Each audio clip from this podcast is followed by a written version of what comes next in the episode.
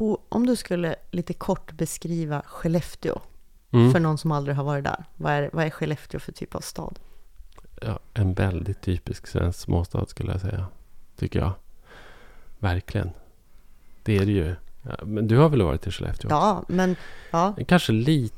Ja, men, lite mer speciell. Men det är ju lite... Västerbotten är inte jättekul där. Och det är lite platt och tallskog. Och, jag skulle säga så här, alltså det ligger ju lite så här mellan Umeå och Luleå, mm, som ändå är två städer med karaktär mm. och identitet. Och Ja, lite större städer. Ja, precis. Ja.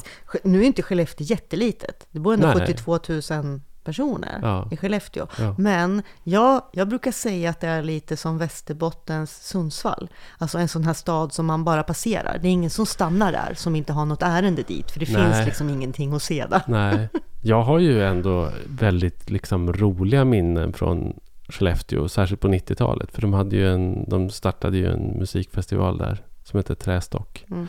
Som var en gratisfestival. Och eh, som bokade då liksom, ja men det var ju liksom när Norrlands Indien var på Ja. topp liksom. Så alla de banden spelade ju alltid och det var, liksom, det var väldigt roligt och vi åkte ju upp. Ehm, Alla- Warner Eyes och This Perfect Day, kom de från de, Skellefteå? de kom från Skellefteå Mm. och en hel massa andra band. Och det fanns ju ett skivbolag där som hette Westside Fabrication som gav ut alla de här Norrlands indiebanden. Mm. Eh, Sahara Hot Nights och det var liksom, jag menar, Popsicle. Popsicle är från Piteå. Jo, men det är Norrlands. liksom, men alla spelade ju på, på Trästock och vi åkte ju upp, vi tömde ju hela Hannas källare Ja. och åkte upp allihop och hade skitkul. Liksom. Och jag skrev därifrån. Och så här. Vi, hade ju, ja, men så vi hade ju jätteroligt. Så Jag har ju väldigt positiva minnen från, från Skellefteå på det Mm. sättet.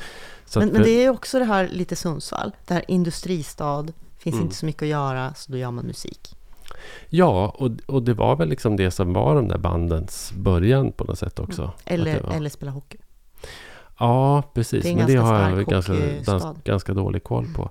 Sen har ju Skellefteå på något sätt... Det där blev ju lite...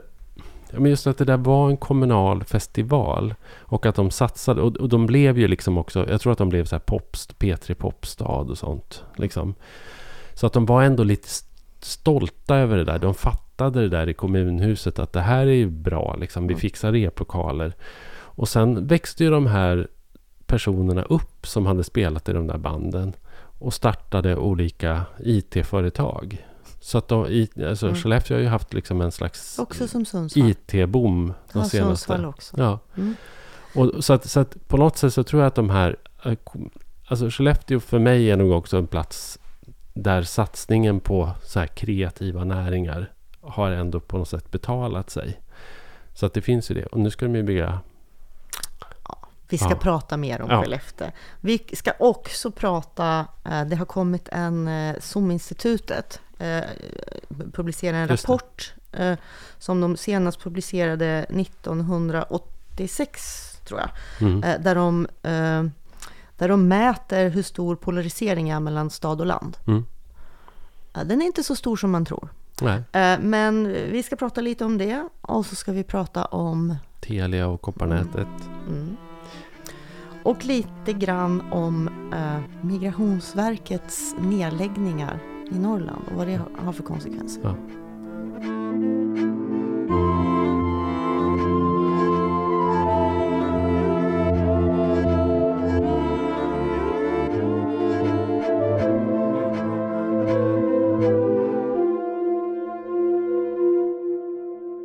Alltså vi var ju inne på det när vi gjorde förra avsnittet. Men det här med liksom utgångspunkten för den här podden. Som ju började i en helt annan ända. Liksom, jag menar, de första tio programmen handlade ju om stackars stackars Norrland. Eh, offer för liksom, eh, nationell kolonialism och eh, rovdrift och råvaruhamnen. Norrland. Utflyttning och Ja. deppighet. Ja. Ja, Och nu är det ju liksom... ehm, nu läser man varje dag i tidningen om, om eh, de här fullkomligt obegripliga Ja, investeringarna. extrema investeringar. Det rör sig om över tusen miljarder Mm. kronor som ska, som ska investeras i norra Sverige Mm. de närmaste åren. Och eh, vi kommer in på Skellefteå, men, men eh, för, för det är ju en av de största då, investeringarna här. Mm. Men när till och med eh, alltså Sveriges eh, arbetsmarknadsminister säger i, i P1 att, att bero på att vi har en hög arbetslöshet, Mm. så säger hon "Ja, eh, den som vill ha jobb framöver ska flytta norrut. Mm. Det kan aldrig någonsin ha hänt. Jo, det har det ju. Alltså, ja, men men, men eh, vi vi får gå tillbaka hundra år. ja, inte liksom. i mannaminne. Nej, därför att annars har ju visan alltid varit vill du ha jobb, flytta söderut. Liksom. Och vi flyttade inte hela Ja, den grejen. ja. Nej, men nu är det alltså eh, Norrbotten och Västerbotten framför allt som, som gäller. Ja, och det är ju en sån otroligt plötslig utveckling Mm. som, som man faktiskt inte, som ingen såg komma. Alltså man har ju sett det smygande och vi har ju också pratat om liksom etableringen av stora vindkraftsparker och serverhallen i face, liksom Facebooks serverhall i Luleå och sådär. Liksom. Men det har varit ganska isolerade grejer och när vi har pratat om Northvolt-fabriken i Skellefteå så har ju det också varit så här, ja men okej det är väl så här, visst 2000, 3000 jobb men Mm. allvarligt, hur mycket kan det egentligen betyda för regionen? Sådär. Men, men när nu det börjar börjar, det ju synas. ja, och när det börjar nå den här skalan och med alla de här synergierna, då är det klart att då, då rör det ju på sig. Liksom. Just Skellefteå är ju faktiskt så att där är det ju en, en förändring, en omvandling som, som jag tycker känns svår, svår att överblicka, eller svår att förstå hur mycket Skellefteå faktiskt kommer att förändras av det här. Eh, alltså det finns ju lite siffror.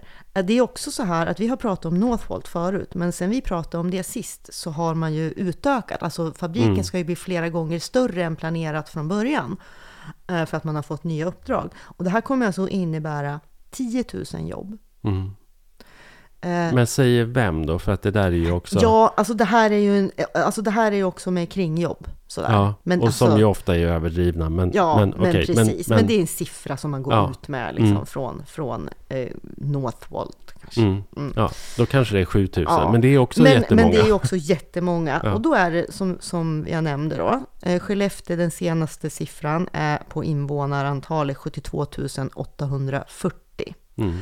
Mm. Eh, dessutom har just Skellefteå en ganska låg arbetslöshet Mm. jämfört med övriga landet. Mhm. Redan så har man en arbetslöshet på 5,3 procent jämfört med 8,6 i riket. Mm. Så att den här arbetskraften som behövs till Northvolt, vare sig det är liksom 3 000 eller 10 000, den finns inte i Skellefteå.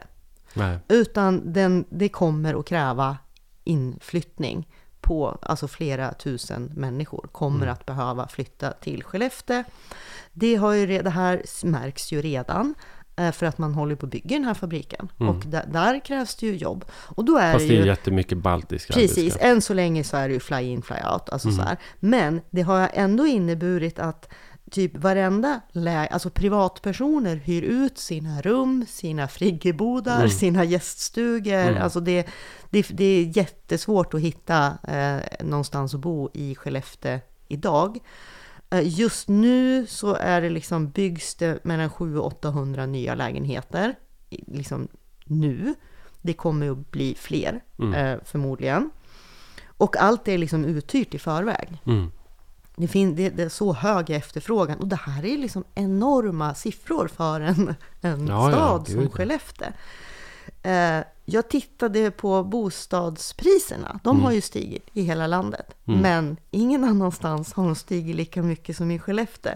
För att på två år har alltså priset på bostadsrätter ökat med 66 procent. Och priset på villor har ökat med 50 procent Mm. under samma tid i Skellefteå. Ska jag köpt en villa i Skellefteå för ett par år sedan Ja, och så. suttit på den ett par år till kanske. Eh, nej men det här är ju, det här är ju extremt. Mm. Eh, alltså det är ju, det är ju, ja, det är växtverk i Mm. Skellefteå. Det kommer att bli som en helt annan eh, plats. Mm. Precis, så håller de på att bygga det här stora kulturhuset i trä. Som ska heta Sara Mm. Också. Som väl snart ska vara färdigt. Och som det redan är bråk om. Mm.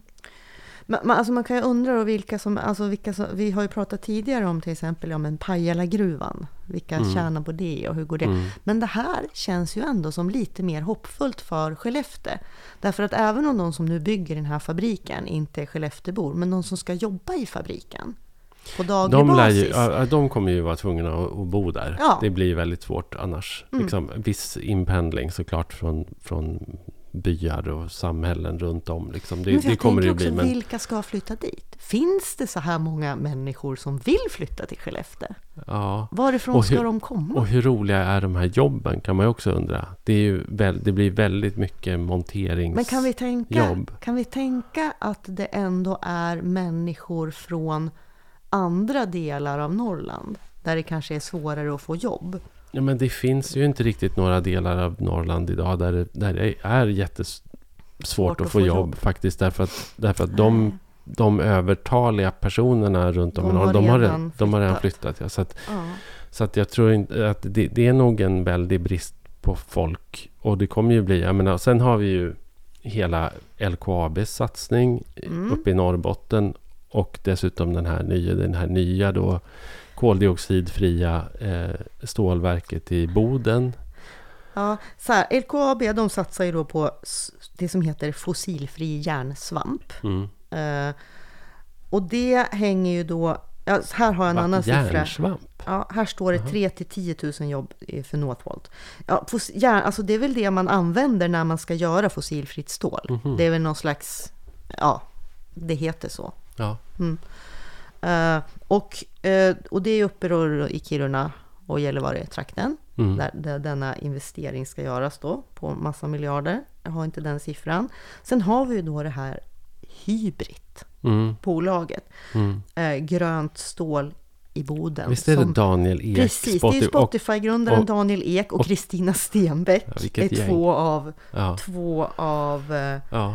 Eh, När sådana personer börjar investera Ja. i Norrbotten. Då, 25 miljarder kronor investerar de i Boden ja. på eh, fossilfritt stål. ja, och de gör det därför att det tydligen då finns efterfrågan på Eller det kanske, fossilfritt det stål. kanske inte var det här Hybrid, utan de här heter H2 Green Steel. Ja, Ja. i, i, ja. Det är så många, det är liksom det är den här hybrid listan kanske är på... ytterligare något. Ja, precis. Men ändå, att de här personerna Mm.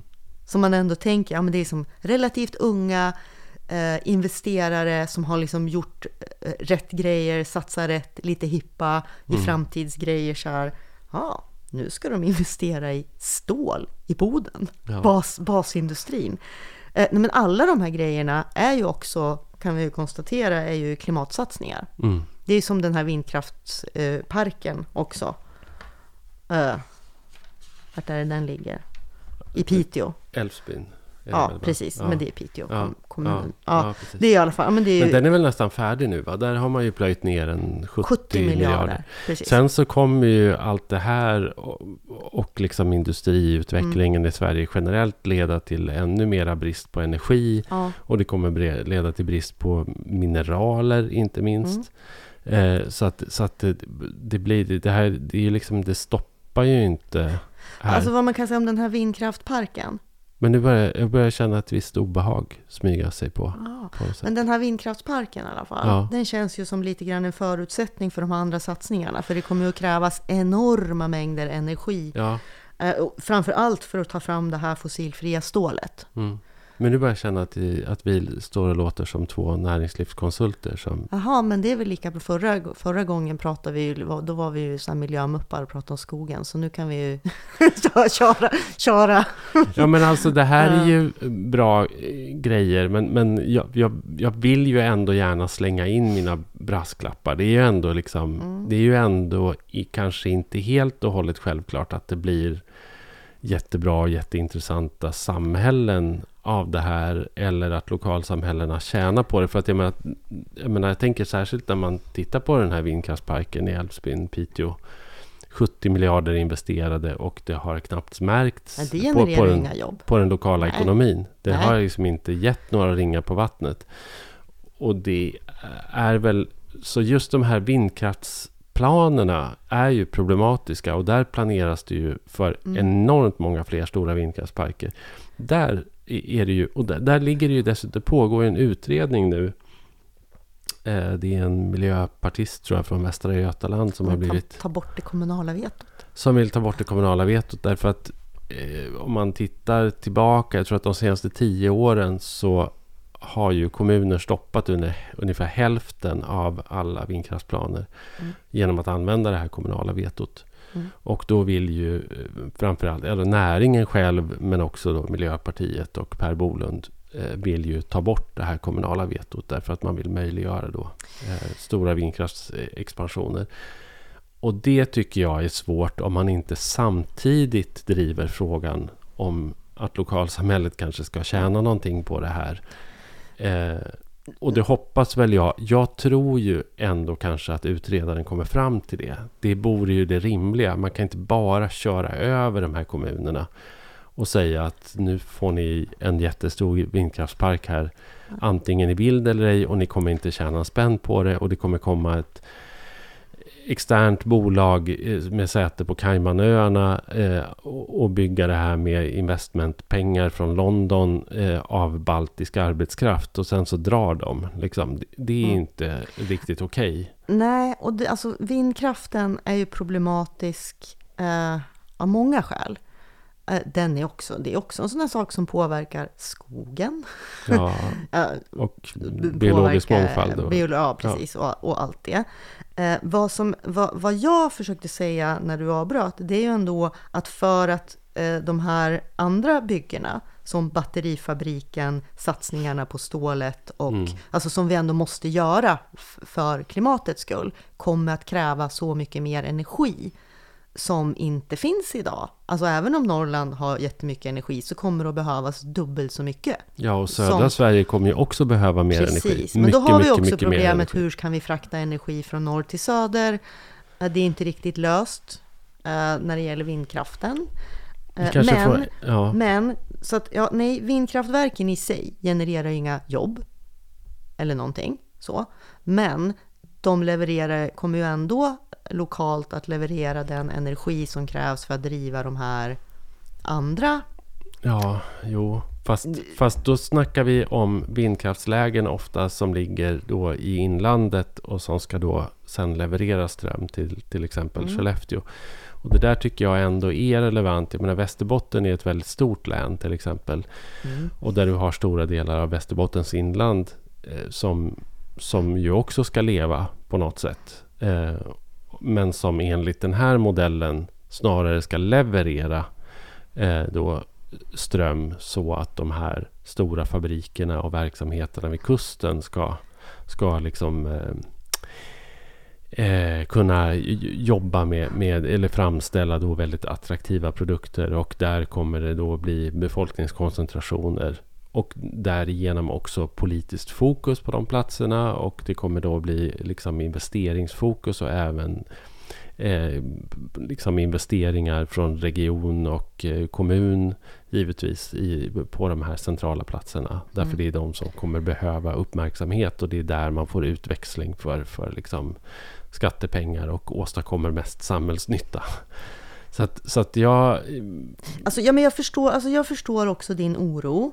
Det, är- det, Det, jag tycker också att jag, jag upplever en viss senfärdighet i att förstå vad det här kan innebära. För det har ju också, det, vi har ju lyft det i alla år, men nu Mm. har det ju börjat lyftas också av de som gör de här investeringarna.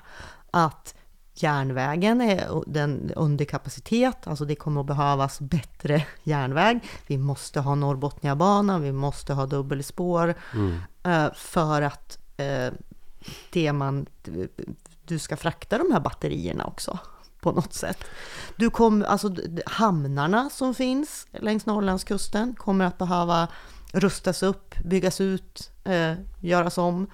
Jo, och det finns det ju pengar till. Men, men, och, och därför att de här hamnarna är ju ofta privata eller drivs Mm, av konsortium och sådär. järnvägen. Så så men järnvägen, där behöver ju liksom staten steppa Mm. upp. Och jag har inte hört dem säga det än. Att, att de, jag har inte riktigt hört den signalen att vi, okej, okay, vi förstår att det här är viktigt. Det är Nej. också så här, för att det här ska bli fungerande arbetsmarknadsregioner och för att man ska kunna liksom få kompetensförsörjning i Skellefteå eller i Boden eller i Luleå eh, när man genomför de här stora projekten, då måste folk kunna arbetspendla. Därför att mm. annars, så blir, annars kommer det bli antingen så blir det en enorm brist på kompetens och arbetskraft. Eller också så blir det väldigt, väldigt lokala effekter av de här satsningarna. Men har man pendlingsmöjligheter så, så får man ju mycket mer större spridda samhällseffekter och mycket mer positiva effekter. Att man till exempel mm. då kan eh, jobba åt batterifabriken i Skellefteå som knuten till eh, LTU i Luleå till exempel. Mm. Vilket ju annars blir lite jobbigt faktiskt därför att det är liksom lite för långt ja, att sitta och, och, och, och... nej, det har inte kommit några sådana signaler alls eh, när det gäller eh, planeringen av framtidens järnväg. Är inte det lite konstigt? Är inte det lite typ, om vi får, om vi får liksom då återgå till Norrlandspoddens ursprungssyfte så måste man väl ändå kunna konstatera att om, om vi snackade eh, tusen miljarder investerade kronor någonstans i Sydsverige mm. så kanske ha, att staten hade steppat upp rätt snabbt. Jo, men jag har en annan tanke. Ja. Det är det att det här som händer nu, det har ändå gått väldigt fort.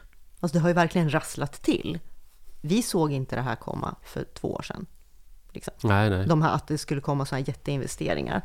Och staten är ändå en ganska stor apparat och den är lite senfärdig. Och det jag har någon slags, alltså nu är jag lite naivt hoppfull här, men jag tänker ju att en sån sak som Norrbotniabanan, om man fattade ett beslut och bestämde sig för att verkligen satsa stenhårt på att nu gör vi den klar, då går det att göra väldigt mycket snabbare än som den planen ser ut nu. Ja, just det. och det har ju hänt, ja, men, och sånt mm. har ju mm. hänt förr i liksom expansiva områden. Som, Absolut. som växer och, jag, och, jag och med tänk... befolkning. Och jag tänker att ja, men jag vet inte vad som krävs då för att den poletten ska trilla ner. Nej, det fattar inte jag heller. Därför att, därför men... att det här är ju också en ny spelplan. Man tänker på så det här som, som vi också har tjatat om. Det här som, jag menar, apropå Norrbotniabanan för ja, det är ju snart 15 år sedan liksom när det var uppe och Anders Borg sa nej, vi ska inte bygga Norrbotniabanan för den har bara regional nytta. Liksom.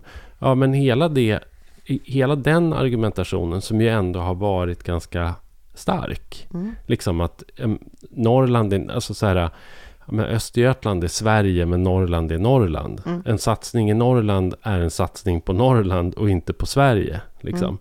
Men i det här fallet så, då, då, nu faller ju det. Alltså så här, bygger man en järnväg mellan, mellan Umeå och Luleå med pendlingsmöjligheter för människor att, att liksom jobba i Skellefteå eller pendla till... Jag menar, då, jag menar, det, det kommer ju faktiskt ha en nationell nytta eh, på ett helt annat sätt än tidigare mm. då. Och det jag menar är att det, den poletten behöver trilla ner Ja. Och att jag tror att den kommer att göra det.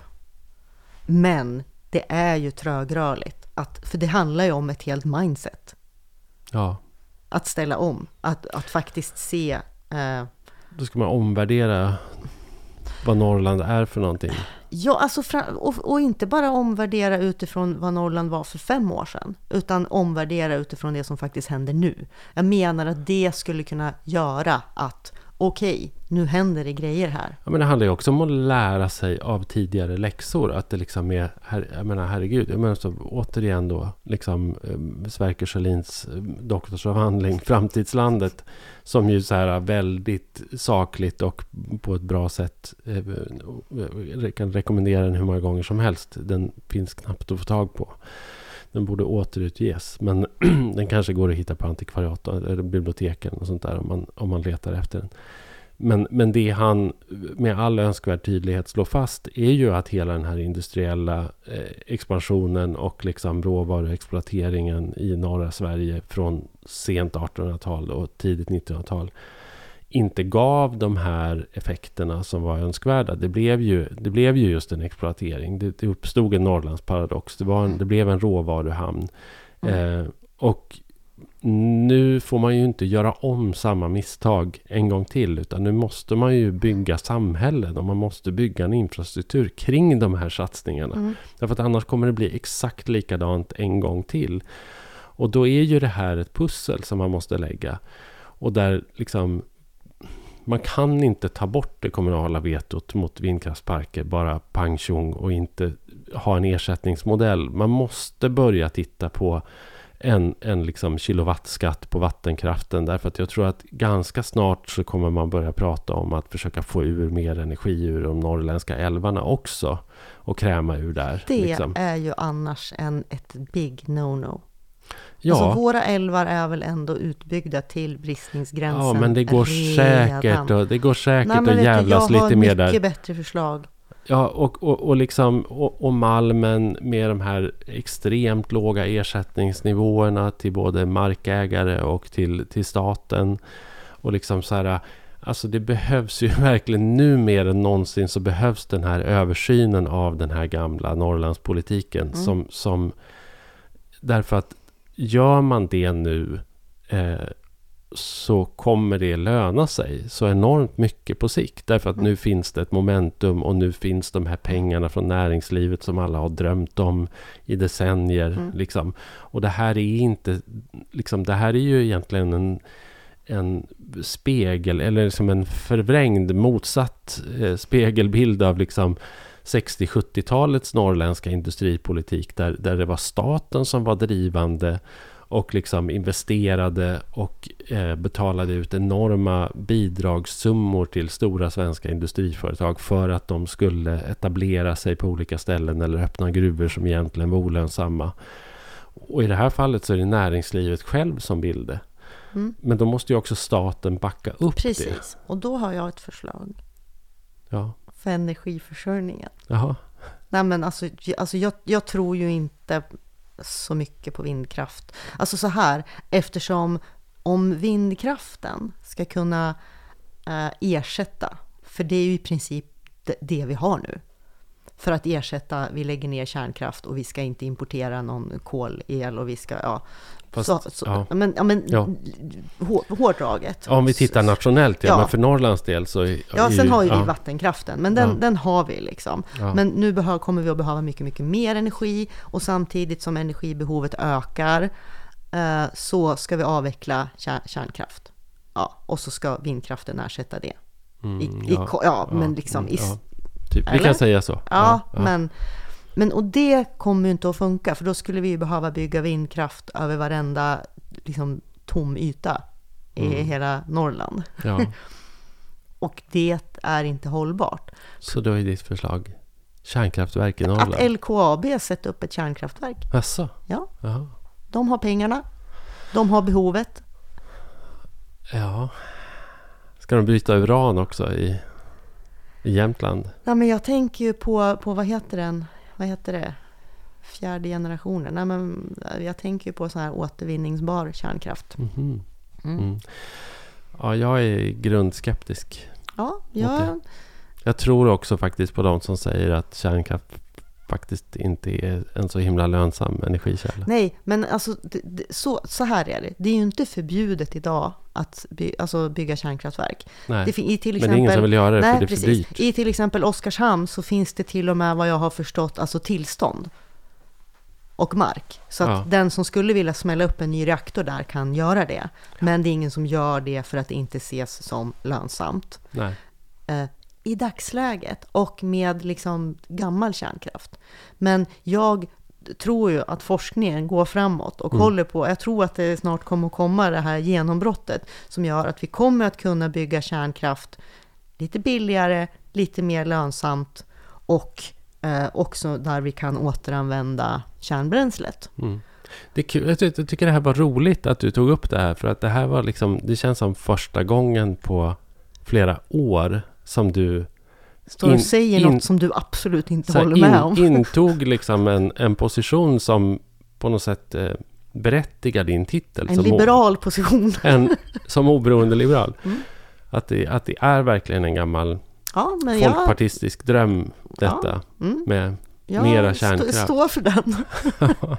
Nej men alltså det är inte det att jag drömmer om mer kärnkraft, utan det är när jag har suttit och jag har även så här, ja men ringt experter på, på energi och elförsörjning och liksom ställt massa dumma frågor för att förstå vad kostar vindkraft versus kärnkraft, hur mycket får vi ut, hur länge kommer det att hålla? Alltså jag har suttit och gjort mina e för det här är också väldigt, väldigt komplicerat, alltså det ska vi vara ärliga med, det är väldigt svårt att sätta sig in i och göra de här uträkningarna. Liksom, vad, vad är bättre och hur många vindkraftsnurror måste du smälla upp för att ersätta en kärnreaktor till exempel. Alltså sånt har jag suttit och nu är jag dålig på att memorera siffror och sådär. Men utifrån den eh, information som jag har sökt upp, tagit till mig och alla frågor jag har ställt så har jag landat i, inte för att Folkpartiet säger det eller någon annan, utan att jag har landat i att ja, jag tror ändå att kärnkraft är lösningen därför att vi behöver det är, om man säger så här då, så länge det inte blir ett haveri, Mm. så är det ju den renaste formen av energi Ja, man, som räknar, finns. man räknar bort uranbrytning och hela byggandet av ett Ja, men kärnkraftverk. precis. Men då har vi, och men då har vi det här med uranbrytningen. Eh, där har vi det här att, att jag tror inom kort att man kommer kunna återanvända bränslet. Alltså du, Mm. du kommer inte behöva lika mycket uran eh, i framtiden. Eh, och när det gäller slutförvaringen, Så finns det massa gruvhål i Norrbotten. Tänker nej, jag. Då tänker jag så här. stoppa ner det under nej, gamla Kiruna. nej, nej, men nej, utan så här tänker jag. Det är ju redan ett problem. Ja. Det vill säga, vi har ju redan kärnavfall i mängd i världen över som Mm. måste slutförvaras. Ja. Och det problemet Kan man måste ju skjuta upp det i lösas. rymden? Nej, men det, vänta, det problemet måste ju lösas oavsett. Och det liksom förvärras ju otroligt marginellt av om vi bygger ett nytt kärnkraftverk Mm. i Sverige. Så att jag ser inte, det är liksom inte, det är inte det det står och faller med. Jag får liksom lust att slut- citera Carl Bildt här. Man ska inte ta någonting dåligt som intäkt för något sämre. Ja, eh, ja, Jag är mera road av, av det här, tror jag. ja, du tar inte ja. mig på allvar. Jo, Alls. jo, jag kämpar med det nu. Mm. Mm. Eh, men ja, nej men jag... Nej, jag säger ingenting. Nej, Ja. du, du får... Nej, men jag kan inte så jättemycket. Jag kan inte så jättemycket själv. Men, men Mm. jag, jag kommer nog ändå från ett håll där man är ganska grundskeptisk Men mot vad, tror, kärnkraft. men vad tror du, alltså så här då? Om vi tar bort kärnkraften, vad, hur, hur ska vi få energi då? Tror du på vindkraften? Jag tror att vi för det första ska förbruka betydligt mycket mindre energi. Eh, Mm.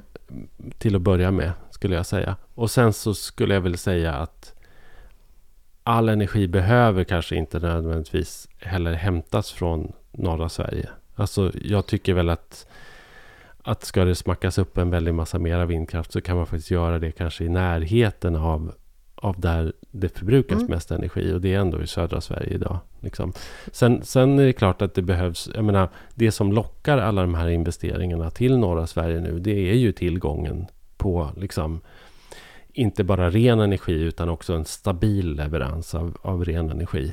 eh, Mm. Så, som, äl, som, ja, men som Mm. älvarna Mm. och vindkraften i, i någon mån då utgör. Liksom. Ja, det gör Ja, men alltså, det finns Men- ju en jättestor skillnad här mellan älvarna och vindkraften. Ja men älvarna är ju, grund, det är ju grunden såklart. Liksom. Men, men, och, och då tycker jag så att ska man, ska man bygga fler liksom, kraftverk eh, oavsett vad, vilka eh, energislag det handlar om så, så kanske det inte primärt är i norra Sverige. Utan det, det, menar, det, det forslas ju ut enormt mycket energi Mm. nu från norra Sverige till södra Sverige. Och, och södra Sverige har energibrist och räknar ju också med enormt ökade energibehov framåt. Och det, och det kanske ändå är så att man ska ta ansvar för det själv. Lite mer. Men det, det jag, där är jag helt enig. Jag tycker att södra Sverige, alltså att det är bra just för infrastrukturen också. Mm. Det här med att transportera eh, ström norr från och Ja, det, det är ju inte heller riktigt hållbart. Nej, precis. Så att det håller jag med om. Att bygg, bygg eh, kraftverken i närheten av där det ska förbrukas. Men det det, mitt argument för det här är ju att även i Norrland, här vi, har, alltså vi är ju självförsörjande på energi Mm. idag. Men de här nya fabrikerna och det här kolfria stålet kommer ju att kräva mycket, mycket, mycket mer energi än vad det gör att producera stål idag. Jo, jo, visst, Så absolut. att det, kanske, alltså det kommer då- inte att räcka. Den energin vi har Det- jag tror att kommer det- inte att räcka. nej, på det nationella planet. Jag tror att energin kommer räcka eh, ur Norrlands... Liksom, alltså, energin tror det. Om kommer... vi kapade alla ledningar till södra Sverige, skulle energin vi har i Norrland, förstår då. så har jag förstått att det kanske inte kommer att göra. Ja, men, Men det, det, det tvistar ju, alltså det beror på vem man frågar fast, det, säkert. ja, Ja. fast det, den stora elbristen kommer ändå uppstå Mm. i södra Sverige Ja. om man skulle kapa banden. Mm. Och då kanske man ska ta med... Och så, så kanske försvaret ska släppa några av de här fantastiska vindlägena som ändå är då liksom, längs hela liksom, Sydsveriges kuster på öst och västkusten. Som man håller på idag av olika skäl som man inte riktigt förstår. Men, men det är ju försvaret där som, som sätter stopp i väldigt stor utsträckning. Ska vi Och bygga en ny reaktor i Oskarshamn?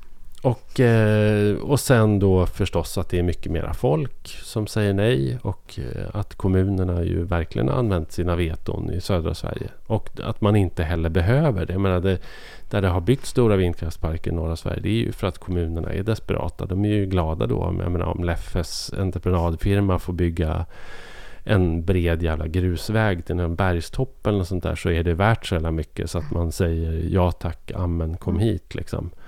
Eh, och det, och det ja. Ja, men, Men det därom, men det behöver där man är vi inte göra. eniga. Alltså, vi är eniga om att nej, vi ska inte smälla upp massa vindkraftverk i Norrland för att försörja södra Sverige med energi. Vi ska inte igen liksom, Nej.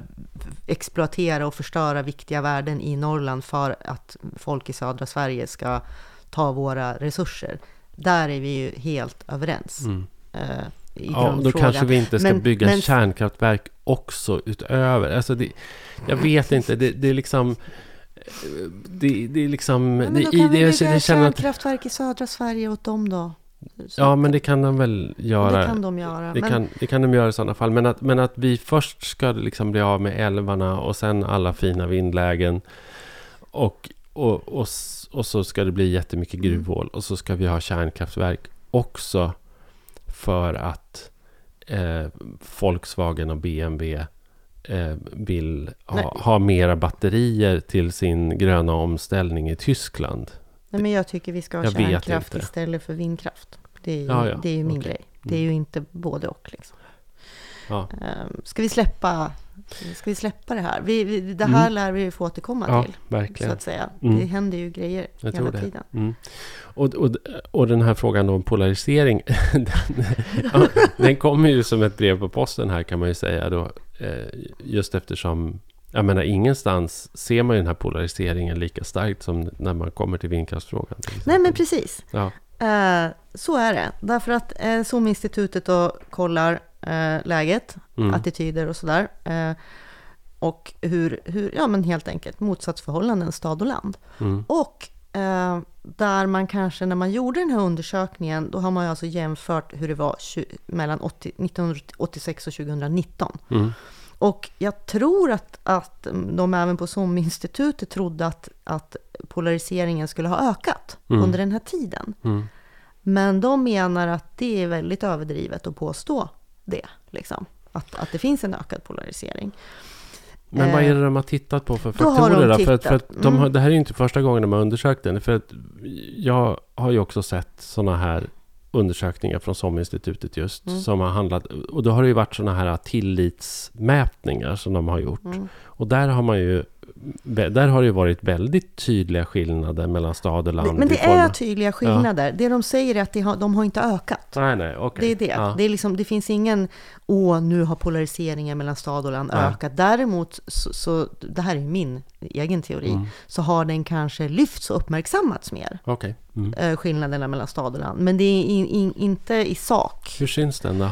Då har man tittat till exempel på utbildningsskillnader. Mm. Och då har, man har också gjort en sån här eh, liksom skillnad mellan storstad, eh, mindre städer och glesbygd. Liksom. Så att det, är- men om, om vi går ifrån liksom, stad till landsbygd, alltså ute i glesbygd, så är utbildningsskillnaderna är stora. Mm. Och de har knappt, det, det har inte förändrats så mycket sedan 86. Eh, 86 tittade man på skillnaderna i internet, internetanvändning. Och då var de stora mellan Ja, stad och land kan ja, vi förstå. Och d- det är de inte Vadå? längre på samma sätt. Internet 86?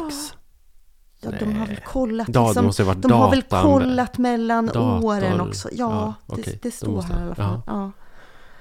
Eh, Okej. Eh, bedömningen av den egna ekonomin Mhm. har folk fått göra då. Mm. Eh, Då har folk i städerna varit något mer positiva Mm. till sin egen ekonomi och har blivit ännu mer positiva till den de senaste åren. Kanske beror på bostadskarriärer och Mm. sånt. Så, mm. eh, och detsamma gäller den egna hälsan. Mm. Den eh, beskattas högre eh, av storstadsbor Mm. och ingen, något föränd, liksom förbättring i, i storstaden. Mm. Eh, men folk på landet är mer nöjda med livet. Jaha. Mm. Mm. Men det är inte heller någon förändring sedan förra mätningen. Eh, mellanmänsklig tillit är större i städerna. Mhm. Okej. Eh, alltså man litar mer på främlingar i städerna. Ja. Och på landet är man misstänksam mot främlingar. Däremot så litar landsbygdsborna mer på sina grannar. Ja, Än ja. vad storstadsborna Okej. gör. Mm. Okej, det är på det viset. Precis, så Mm. storstadsbor har lite större tillit Mm. i allmänhet sådär. Men de kä- känner ingen större, större tillit till sina grannar än till vem som helst de träffar Nej. på gatan. Ja, men grannarna Och på landsbygden gör man stor främlingar, i, skillnad. främlingar i större utsträckning. Mm. Ja. Och inget av det här har förändrats på de här åren. Det ser ut precis som Mm. det har gjort. Uh, storstadsbor är mer oroliga över klimatet. Mm. Det, så var det 86 också. Ehm, det är ingen skillnad i oro för arbetslöshet. Det är ungefär samma på landet och i stan. Mm. Har man också tittat på. Och storstadsbor är mer nöjda med hur demokratin funkar. Ja. Men Men- det går ju i linje med de här SOM-undersökningarna också. Mm. För där är ju tilltron till institutionerna, Myndigheter, myndigheterna, EU, eh, medierna och så. Och där är ganska stor skillnad. Jag Mm. tror det är dubbelt så hög tilltro till EU till exempel i, I i. Stock, i Stockholm än vad den är i Norrland. Liksom. Precis. Men det, men det här har inte förändrats, utan det här är en konstant. Eh, storstadsborna är mer intresserade av politik. Här har det skett en förändring, att skillnaden har blivit mindre. Mhm. Så att, eh, så att landsbygdsborna har blivit lite mer intresserade av politik. Liksom. Ja. Men det är ingen jättestor skillnad. Eh, ja, ska vi... Jo, den här, det här har det skett en förändring. Okej. Det är det att stadsbor har gått mer åt vä- vänster Mm. och landsbygdsbor mer till höger Mm. i hur de röstar. Ja. Alltså det är ju de här är det, storstadsborna som röstar på Miljöpartiet och Fi liksom. Mm. Och landsbygdsborna som röstar på Sverigedemokraterna. Mm. Fr- framförallt det är där. Eh, För det är också så här, folk på landet är mer restriktiva till flyktingmottagning. Mm. Och SD är större på landsbygden. Och det är liksom den punkt där man ser den största ökade polariseringen. Mm. Det är just i synen på, på Sverigedemokraterna och att de är så mycket större på landet än i stan. Eh, och vindkraften då. Eh, där, där har det skett en total omsvängning. För att för, för, för 20 år Ja. sedan så var stödet för vindkraft mycket starkare på landet. Nu är det starkt i stan, men eh, på landet så finns det motstånd. Så det är en total omvändning. Men skillnaden är lika stor, bara det att de har bytt plats. Ja. Mm. Det är ju intressant. Eh, det- Det här tyckte jag var också intressant, den sista punkten på den här listan. Det är inställningen till sjukvården. Eh, Som är ganska lika. Liksom. Mm. Eh, Att, och det här trodde inte jag, men att storstadsborna tenderar att vara mer negativa. Ha en mer negativ inställning till sjukvården. Och där blir jag så här, hmm, där har Ja. de ju fler valmöjligheter, Ja, ja, där har de så här. Men, jag tänker att det handlar, eh, alltså det här, det här, de har, det fanns liksom ingen riktig analys av de här siffrorna, utan de bara radade upp dem i den här rapporten. Mm. Eh, och, och just den eh, tänkte jag att, men att folk är lite mer bortskämda och kräsna i storstan.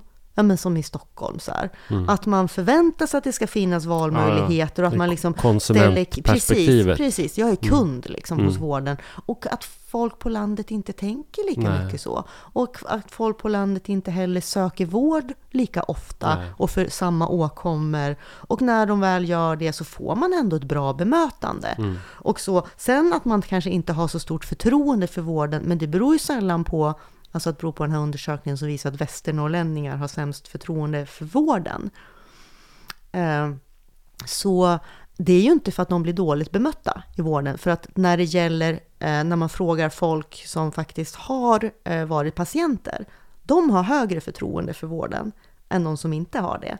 Så att, så att här handlar det ju om, eh, ja, man vet att de skär ner, man ser liksom läkare som gör upprop, man läser om barnmorskor som slutar, man läser om höga kostnader för stafetter, man lägger ner BB-avdelningar, ja, och så sjunker förtroendet. Men det beror ju inte på vad man faktiskt tycker att man får av vården när man Nej, behöver den. Nej. För där tycker även folk på landet att de får det.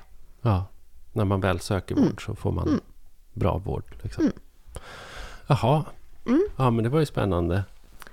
Så konsumentupplevelsen, eh, Kundupplevelse. kundupplevelsen är dålig helt enkelt. Jag undrar, har de, men, har de kollat på skolor? För det, det skulle ju, då skulle man nästan kunna tänka sig att det, att det skulle det vara samma där. Att det skulle vara samma där, att det skulle vara Nej, någonting det, det, likartat. fann, det fanns inte med eh, i den här rapporten. Eh, däremot så tycker jag att jag upplever det här när jag pratar med vänner som framförallt bor i Stockholm. Mm. Alltså om man pratar om en krämpa eller om man pratar om ens unge, hur de har det i skolan eller sådana där saker. Så, så märker jag att liksom mina Stockholmsbekanta är mer, alltså de är mer kundorienterade. Mm, Som är så här, ja. ja. men då, du måste gå till en annan doktor, du måste få Ja, en second opinion, du måste söka det eller Ja. du måste byta skola, det där är inte okej. Eh, liksom minsta lilla problem så, så ska man bara gå till någon annan som ska Mm. lösa problemet och ge en bättre service. Mm. Och den, det finns ju inte hos mig. Nej. Ens tanken Nej, på, det, på det i, när, jag, när jag använder så att säga offentliga tjänster och offentlig service. Nej, man har ju inte den möjligheten Nej, heller. man har inte haft det och då har, Nej. då har man inte tänkt Nej. på det. Nej. Nej. Och på tal om privatiseringar och dess effekter. Televerket! Ja, ja precis. Jo, men det är uppe nu igen då. Ja. Återigen. Vi har inte pratat om det särskilt Nej. mycket. Eller hur? Nedsläckning av kopparnätet. Och, Nej, det, har vi, det enda vi har pratat om är väl typ så här bredbandstäckning någon Ja. gång. Sådär. Jo, Nej, men, eh, för den är ju också på tapeten nu. Det är ju liksom faktiskt mycket tack vare att Dagens Nyheter har spottat upp sig så på sista tiden. Och jag menar i förra avsnittet så pratade vi om deras serie om, om svensk skog till exempel. Och nu har de ju också skrivit en rad artiklar där de har tagit itu med detta. Att, att Telia släcker ner sitt, sitt nät på så många håll i landet utan att det egentligen ersätts av, av en eh, fungerande mobiltäckning. Och att det ställer till problem för människor. det här är ju faktiskt, eh, jag skulle också säga att, att jag tycker inte att det här är Telias fel. Nej, det är ju statens Precis, fel. Det är, det är ju ju- Björn precis. Rosengrens fel. Precis. Eh, I år så ska de alltså riva de fasta kopparledningarna till fasta telefoner då i 221 orter Mm. i Sverige. Ehm, och då har ju DN då varit ute och tittat på Mm. en del orter som enligt, liksom e- officiellt ska ha god mobiltäckning. Men som inte har täckning alls i princip. Nej, där folk får liksom klättra Mm. upp på sina tak typ Mm. för, för att få m- Eller mobil. åka två kilometer för att ringa Mm. larmcentralen. Och det här, det, alltså det här är också en sån här sak som jag inte förstår. Det blir, jag, alltså jag får så här kortslutning i huvudet eftersom det finns ju, eh, alltså det finns ju en grundläggande rättighet. Alltså, eh, alltså som, som liksom, det är väl någon lag till och med. Att alla fastboende människor i Sverige har rätt till grundläggande telefoni. Jo, man fast problemet är att det är ingen som har ansvar för det. Nej men precis. Och eh, det är en sak, eller så här, nu kan vi konstatera att det har blivit så. Det här har ju inte varit ett jättestort problem förrän på senare år. Före man började plocka ner ledningarna. Nej men precis. Ja. Och, och det gjorde man för att så många hade mobiltelefoner. Men nu när man har gjort det och börjar se att här har vi ett problem. Mm. Så är det så märkligt att det liksom inte har hänt någonting.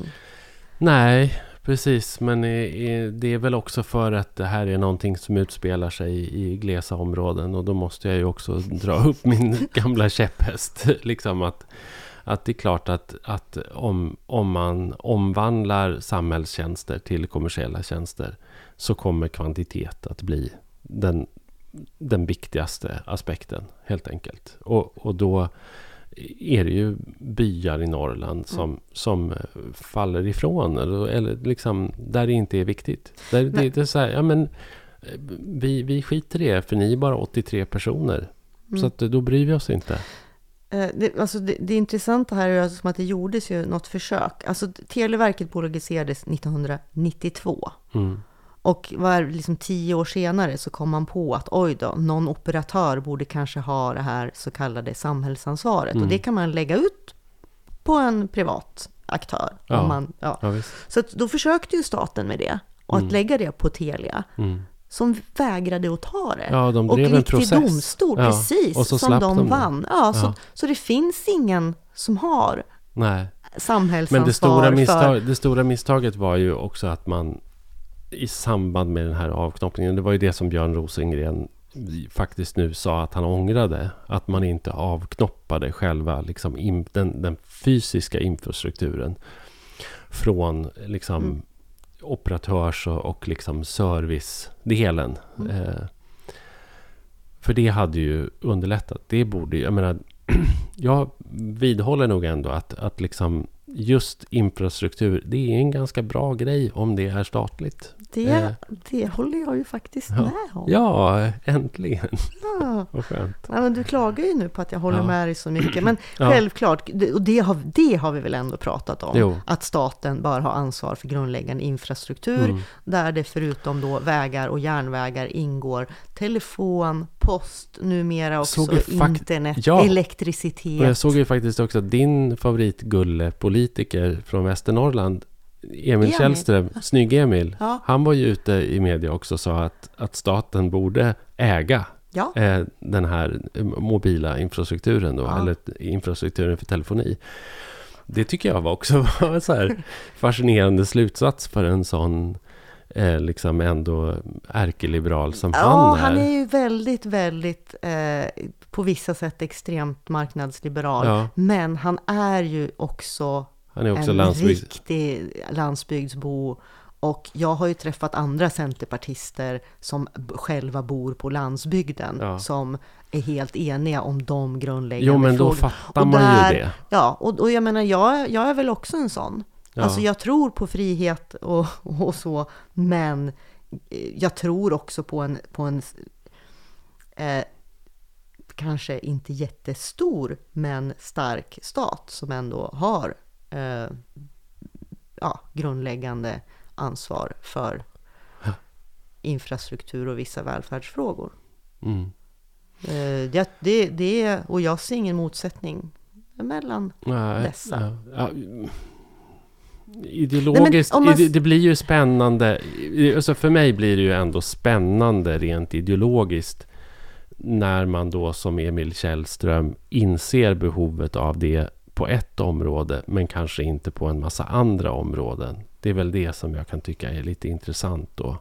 Liksom. lite inkonsekvent. För att Centerpartiet, vad jag vet, och han som ändå eh, ekonomisk politisk talesperson för Centerpartiet har ju inte haft samma inställning till exempel när det gäller vård och skola och omsorg och sådana saker. men du vet att han ska sluta va? Jo, jag vet. Mm. Ja. Det kanske är för att han är på... Han, han kanske inte kan... Han kanske går ur partiet. Han kanske inte Nej, kan vara kvar. men där har jag en annan idé och det är det att jag tror att han inte var så här jättesuperpepp på januariavtalet och sådär. Nej. Eh, Okej. mm, och eh, jag tror att han bara gör ett litet mellanspel för att komma tillbaka som partiledare efter Annie om Ja. några år. Mm. Det, det är vad jag tror.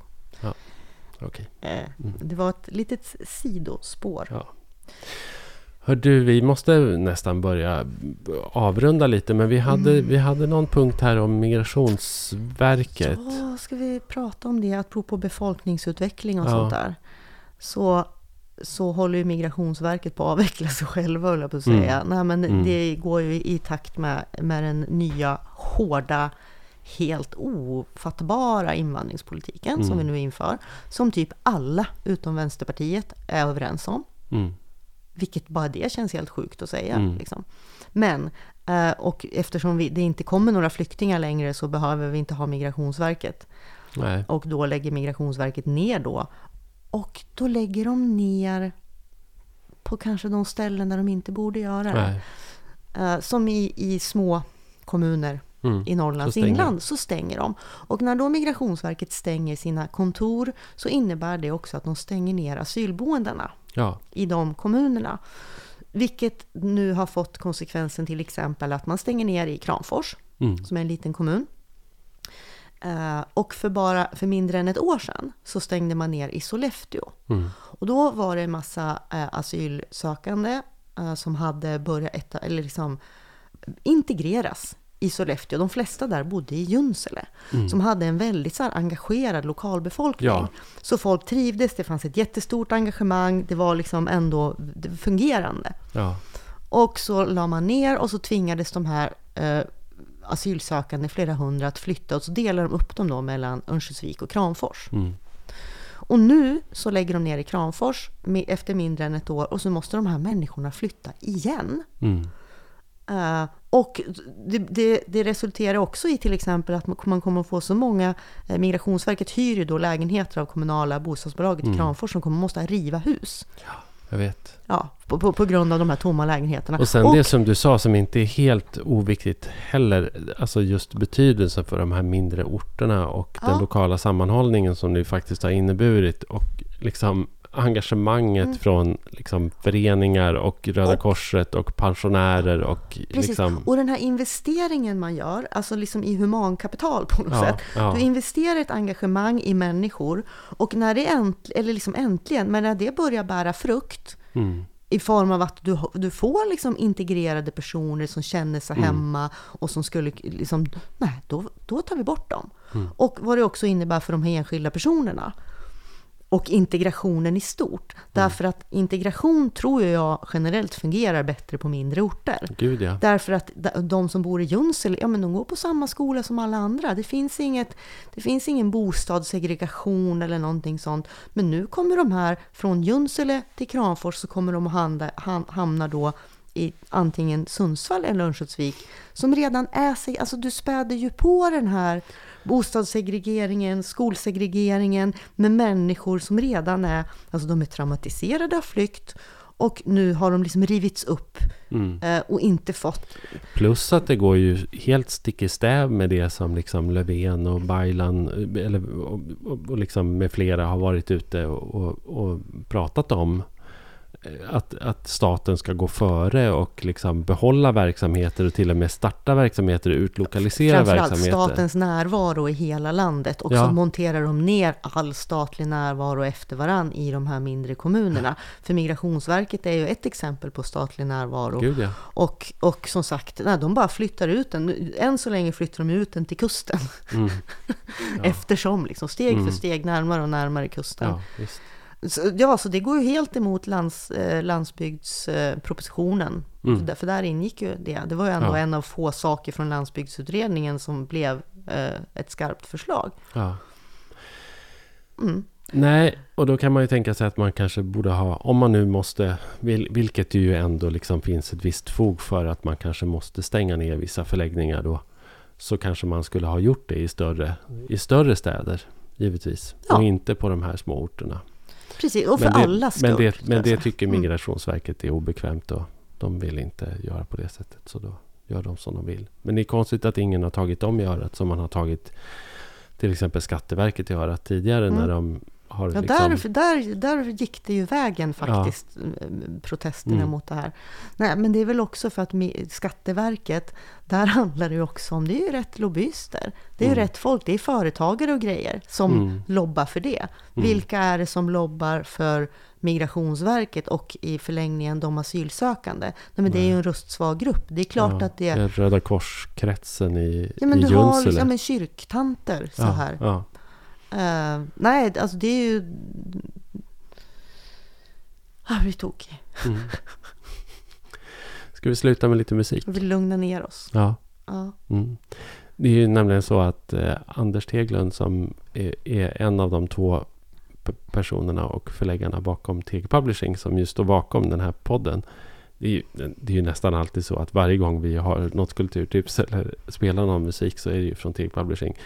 Jag tror Mm. att om vi hade gjort Norrlandspodden själva så hade vi gjort det i alla fall. Ja, de ger ju ut norr, alltså det är ju Ja. från Norrland. Ja, precis. Mm. Och nu har ju eh, Anders gjort en skiva som heter Restriktioner. Där han spelar med bara en hand.